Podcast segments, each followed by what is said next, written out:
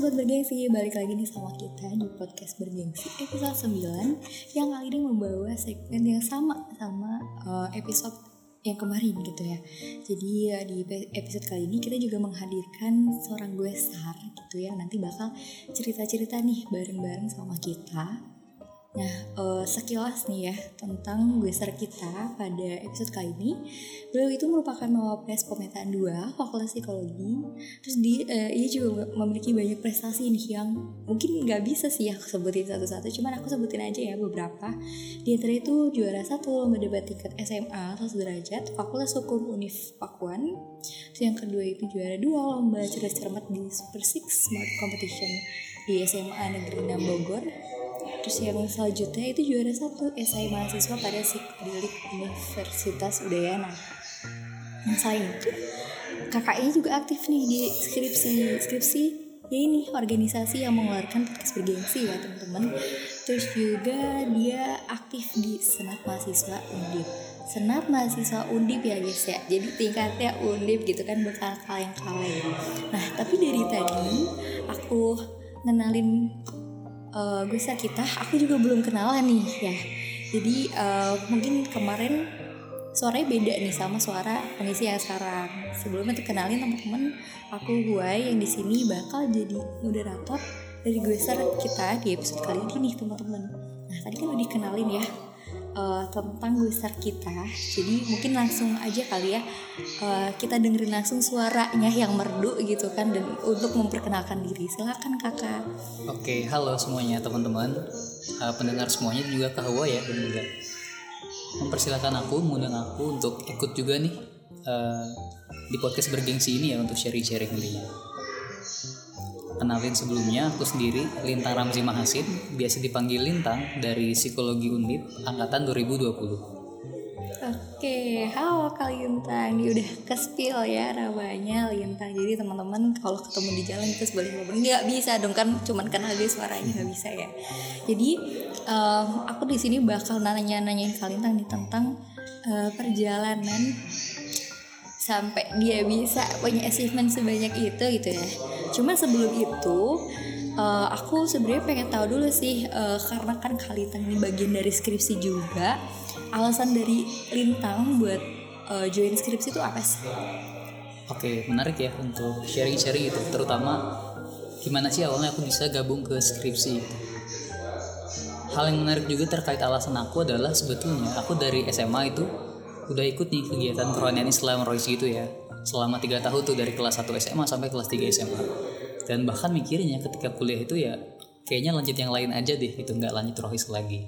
Tapi kemudian uh, aku ketemu nih uh, seorang temen ya jadi dia tuh katanya tuh pengen belajar Islam gitu. Sebelumnya ya mungkin belum belajar ya belum belajar intens. Dan yuk gitu ngajakin aku untuk bareng-bareng lah belajar. Dan aku mungkin ya ada semangat eh temenin deh temen aku ini biar bisa belajar bareng gitu sebenarnya itu sih untuk awal terpantik gitu ya.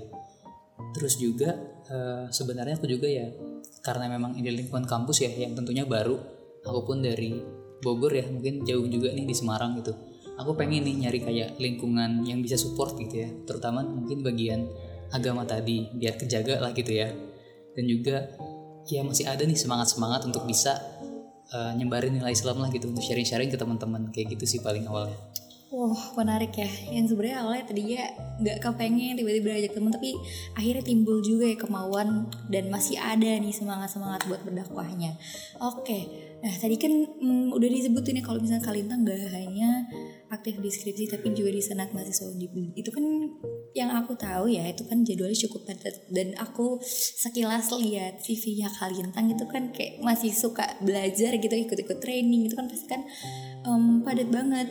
Cuma, uh, tapi Kalintang ini masih stay dan masih aktif di skripsi gitu kontribusi juga besar.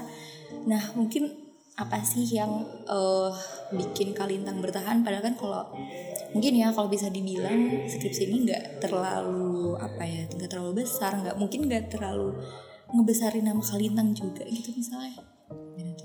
Oke terkait kenapa gitu ya aku masih stay di, di skripsi sampai saat ini. Satu hal yang aku rasakan sebenarnya untuk yang utama adalah perasaan kembali ke rumah itu sendiri ya terkait skripsi. Aku merasa bahwa memang saat awalnya aku tuh berkembang tuh pertama deskripsi gitu. Kayak masuk kuliah itu wadah pengembangan aku. Yang menyediakan aku mensupport aku adalah orang-orang dari skripsi itu sendiri gitu ya. Dan aku merasa berkembang akan hal itu gitu. aku lihat ya eh, kakak-kakak deskripsi waktu aku masuk tuh keren-keren juga loh ternyata. Ada juga yang ini ya angkatan kakak angkatan aku tuh yang memang mau pres juga bahkan juga jadi ketua senat sekarang. Aku eh ternyata keren juga nih kayak gitu. Nah dan sekarang ketika aku mungkin posisinya udah tahun kedua aku rasa aku juga punya beban moral ya barangkali ya. Atau suatu pantikan lah untuk bisa terus berkembang di sini. Dan bahkan kalau memang bisa nantinya aku juga bisa sharing ya. Mungkin salah satunya di podcast ini ya. Aku aku senang juga gitu bisa sharing-sharing sih ke teman-teman semua kayak gitu. Dan tentunya aku masih mendapatkan hal itu ya tadinya. Aku pengenin gitu pas masuk skripsi dapat lingkungan yang bagus nge-support aku gitu ya. Terutama juga di hal keagamaan tuh saat ini masih aku dapatkan dan itu aku sangat puas ya kanal tersebut. Wow, jawaban yang cukup menarik ya karena awalnya udah skeptis aja nih kan kayaknya skripsi kurang gitu. Tapi ternyata bahkan skripsi itu menjadi awal tempat Lintang buat berkembang gitu ya teman-teman. Nah oke di awal kita udah dengerin sekilas nih tentang achievement-achievement yang udah Lintang capai gitu ya itu kan eh apa ya udah em- emang udah direncanain dari awal kamu eh meng- menggeluti itu atau emang ya jalanin aja gitu kayak coba-coba biar eh, nambah pengalaman atau nam- nambah buat ngembangin diri gitu. Oke terkait achievement dan ini ya rencana atau planning ya. Kalau dari yang aku pahami sendiri, menurutku udah suatu kewajiban gitu ya.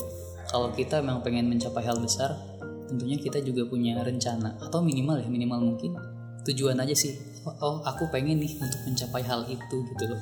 Jadi tentunya kita punya tujuan di awal gitu ya. Nah aku sendiri sebetulnya sederhana aja sih sejak aku maba, jadi aku nargetin nih setelah aku lulus tuh mau jadi apa gitu ya. Eh, dan langkah-langkah apa nih yang bisa aku capai untuk mencapai hal tersebut dan di antaranya barangkali yang udah ini ya yang aku jalani saat ini dalam organisasi ataupun tadi prestasi ya. Tentunya menurutku wajib sih untuk punya plan tadi kayak gitu. Dan walaupun juga sebenarnya pada beberapa kesempatan ada nih gitu kayak eh ada kesempatan baru gitu ya emang kita nggak bisa rencanain tapi tiba-tiba muncul. Tentunya kita juga, kita juga nggak menutup diri ya untuk kesempatan terbuka tadi kita bisa follow the flow tadi ya untuk beberapa emang hal-hal yang baru kayak gitu. Tapi tentunya balik lagi uh, aku pengen sharing aja sih kita perlu punya tujuan sih di akhir gitu ya mau kayak gimana. Mungkin kayak gitu. Hmm, Oke jadi teman-teman berarti emang Kalintang ini cukup terstruktur ya orang jadi emang udah direncanain juga yang walaupun nanti juga bakal muncul muncul, eh, muncul peluang-peluang yang lain gitu ya. Oke, em, jadi kan achievement itu banyak dan buat ngecapai itu kan nggak mudah kan pastinya ya. Pasti ada tanjakan, belokan, turun turunan kerikil bahkan batu besar gitu kan. Nah itu kira-kira mm, kalau dari Lina sendiri apa sih tantangan yang paling membe yang membekas gitu yang pernah dialami? Oke, secara umum dulu ya barangkali terkait tantangan yaitu sebenarnya terkait manajemen waktu dan aktivitas saja sih. Kita realistis aja mungkin ya teman-teman sebagai ya anak muda lah gitu, anak yang sukanya main-main ini pasti kayak rasa mager gitu ya. Rasa pengen leha-leha tuh pasti ada sih. Dan situlah tantangannya kita ngelawan diri sendiri. Kayak gue nggak bisa kayak gini gitu. Pokoknya kita harus bisa ngelawan untuk produktif gitu sih menurutku itu yang paling utama sih yang jadi masalah akarnya ya terus juga barangkali ya karena mungkin kegiatannya selain akademik selain kuliah ada organisasi ataupun kegiatan lain kayak prestasi eh, tentunya itu juga agak sulit ya menyeimbangkannya gitu terkait akademik sama hal lainnya. Terus juga kalau misal ya misal ikut lomba kayak gitu tentunya kita harus bisa ngeluangin waktu lebih untuk produktif nih teman-teman.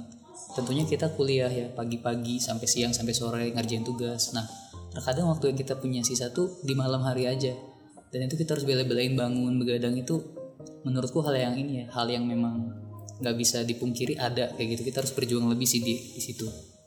Dan capek juga ya teman-teman tentunya kayak ngantuk-ngantukan dan segala macam lah kayak gitu ya. Mungkin itu dan barangkali juga satu pengalaman ya yang aku pengen sharing adalah ketika mendaftar, Mawapres kemarin. Karena waktu itu aku tuh nggak pernah yang namanya ikut TOEFL. Gitu. terakhir tuh SD seingatku ya jadi kayak mau pres tuh butuh TOEFL. Sedangkan aku udah lama banget nggak belajar. Dan itu bener-bener struggle beberapa hari pendaftaran ya. Beberapa hari belajar di situ aja sih. Ya belajar materi terus juga ikut diskusi-diskusi gitu ya. Latihan pakai bahasa Inggris dan sebagainya. Tapi alhamdulillahnya waktu itu minimalnya tuh mencapai gitu. Padahal cuma beberapa hari aja itu menurutku ya suatu apa ya suatu bantuan juga sih. Ketika emang udah berusaha udah niat insya Allah dibantu gitu sih paling. Wow Insya Allah ya begitulah ya. Kalau mencapai sesuatu yang besar itu pasti ada hal-hal yang perlu dikorbankan gitu kan. Nah terus tadi kan udah dijelasin nih gimana tantangannya. Nah itu cara kamu nih dalam menghadapinya itu gimana Lintang? oke terkait cara menghadapi ya. Mungkin balik lagi terkait kita terkait manajemen waktu aktivitas dan manajemen mager sih dari aku sendiri. Itu bagaimanapun ya menurutku nggak ada hal lain yang bisa kita lawan diri sendiri eh, selain motivasi sih. Kita harus bisa punya motivasi yang kuat tadi. Tujuan tadi kita harus perkuat dulu nih di awal. Kita mau mencapai hal itu. Jadi ketika emang nantinya kita lagi males-malesan gitu ya boleh sih males-malesan. Aku juga tentunya banyak gitu waktu kayak scroll scroll IG lah. Teman-teman juga paling udah relate banget ya. Pasti ada tapi kita punya batas waktu untuk hal itu gitu sih. Dan kita bisa berhentinya coba ingat lagi gitu motivasi kita tujuan kita apa. Insya Allah sih ngebantu juga sih menurut dari pengalaman aku sendiri ya terkait hal itu. Kemudian juga terkait uh, manajemen prioritas juga sih. Mungkin teman-teman juga kalau udah punya banyak aktivitas nantinya ada organisasi kuliah dan sebagainya itu monggo di set aja teman-teman prioritasnya yang mana yang emang paling berdampak pada diri kita ya. Dan juga kira-kira mana sih yang punya dampak buruk ketika kita tinggalin gitu bahkan ketika dampak punya dampak buruk orang lain ya harapannya sih jangan ditinggalin. Jadi teman-teman bisa atur dulu ya prioritas dari masing-masing kegiatan itu sih. Oke mantap. Jadi intinya skala prioritas manajemen diri dan manajemen males ya. Terus uh, ini mungkin agak ya rada keluar lah ya sama tentang perjalanannya Lintang selama ini. Tapi aku penasaran karena mungkin Lintang adalah orang yang tepat buat ditanya ini jadi gak sedikit kan anak muda yang saat ini tuh fokus buat ngembangin diri. Tapi ya gak sedikit juga anak muda yang ya masih terlena gitu lah ya pengennya males-malesan. Dan kayaknya lebih suka nikmatin masa muda gitu dengan embel-embel mumpung masih muda. Nah kira-kira tanggapan kamu nih soal itu gimana? Dan ada gak sih pesan yang mau kamu sampaikan buat anak-anak muda itu? Oke menarik banget ya terkait mumpung masih muda gitu.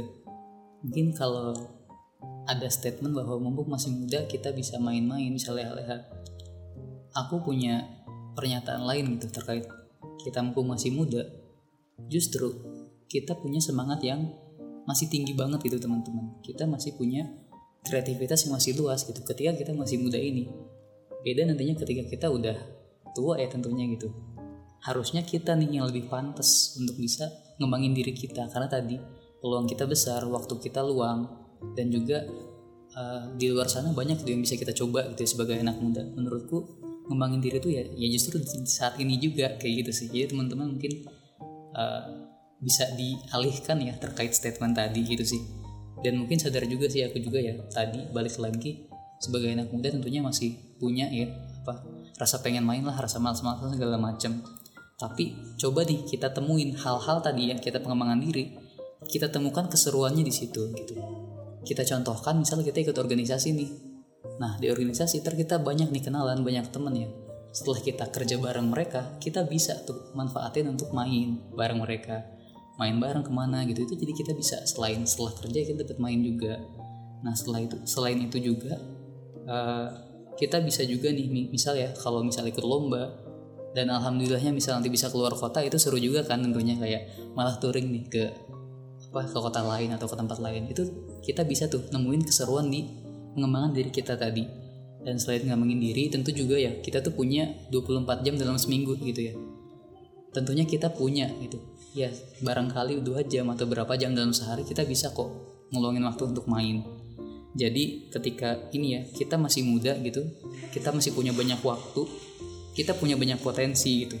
Dan kita juga bisa kok untuk kembangin diri tapi juga tetap happy gitu sih luar biasa Allah Akbar dicatat ya guys ini mumpung masih muda mumpung kita semangat itu masih tinggi kreativitas kita juga masih luas banget dan waktu itu emang kayak yang pas banget gitu loh buat ngembangin diri Oke, aduh sebenarnya tuh pengen banget nih ngobrol lama-lama sama Linta karena nih kayaknya kalau ngobrol sama dia ilmu tuh masuk semua gitu kan. Eh, tapi agaknya ya karena ini udah rada panjang ya. Jadi itu langs eh, aku mau bilang makasih sama Lintang karena udah mau main nih ke podcast bergengsi orang mana ya coba orang sibuk mana yang mau datang eh, ke podcast bergengsi. Jadi moga makin kece dan menginspirasi ya. amin amin amin terima kasih juga teman-teman